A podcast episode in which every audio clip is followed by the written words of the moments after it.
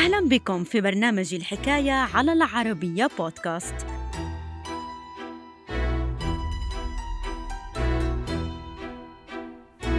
بعد دخول الجيش الأحمر إلى بولندا في العام 1939 أنكر الاتحاد السوفيتي ضلوعه في مذبحة كاتين. ولكن بعد خمسين عاماً اعترف غورباتشوف بذلك. تفاصيل الحكاية في مقال للكاتب طه عبد الناصر رمضان بعنوان السوفييت دخلوا بولندا أبادوا آلافاً واتهموا الألمان. الحكاية.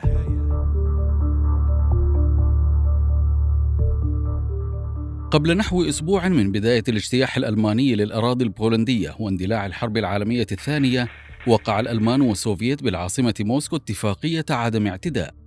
أثارت حيرة العديد من الخبراء السياسيين. ففي يوم الثالث والعشرين من أب أغسطس من عام 1939 حل وزير الخارجية الألماني يواكيم فون ريبنتروب بموسكو والتقى عددا من السياسيين السوفييت كان على رأسهم جوزيف ستالين. وذلك قبل أن يمضي مع نظيره السوفيتي فياتشسلاف مولوتوف ما عرف لاحقا باتفاقية مولوتوف ريبنتروب. وتضمنت الاتفاقية المعروفة بنودا سرية. تعاهد خلالها الطرفان على اقتسام الأراضي البولندية في حين وافق ستالين على تزويد هتلر بكميات كبيرة من المواد الأولية لدعم آلة الحرب الألمانية بحملاتها العسكرية المستقبلية. ويوم الأول من أيلول سبتمبر من عام 1939 باشر الألمان تدخلهم بالأراضي البولندية معلنين بذلك بداية الحرب العالمية الثانية. وفي يوم السابع عشر من نفس الشهر هاجمت القوات السوفيتية الجزء الشرقي من البلاد تنفيذا لما جاء باتفاقية مولوتوف ريبنتروب وبسبب انشغال القيادة العسكرية البولندية بالجبهة ضد الألمان لقي الجيش الأحمر السوفيتي مقاومة ضئيلة أثناء تقدمه فتمكن خلال فترة وجيزة من أسر ما يزيد عن ربع مليون عسكري وشرطي بولندي. وفي الفترة التالية أطلق السوفييت سراح العديد من هؤلاء الأسرى مقابل نقل ما يزيد عن 125 ألفا منهم نحو معسكرات العمل القسري بالمناطق النائية من البلاد إلى أن اقترح مسؤول بالمفوضية الشعبية للشؤون الداخلية لافرينتي بيريا اقتراحا وافق عليه ستالين فباشر السوفييت بإعدام نحو 22 ألف بولندي بمناطق عدة ككاتين وسمولنسك وخاركيف وكالينين ومن ضمن هؤلاء الذين أعدموا وجد نحو ثمانية آلاف من كبار العسكريين ورجال الشرطة البولنديين إضافة لعدد كبير من الأساتذة الجامعيين والأطباء والمهندسين ورجال الدين والسياسيين الذين اتهموا بمعارضة الشيوعية والحقد على جوزيف ستالين.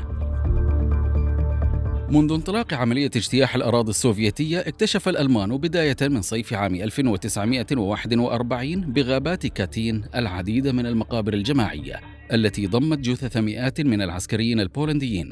وخلال شهر نيسان أبريل من عام 1943 تزايد عدد هذه المقابر الجماعية المكتشفة بشكل ملحوظ فاتجه النازيون عقب هزيمتهم بمعركة ستالينغراد لكشف حقيقة هذه المقابر الجماعية للعالم املا في خلق نزاع قد يؤدي لإقصاء الاتحاد السوفيتي من الحلفاء.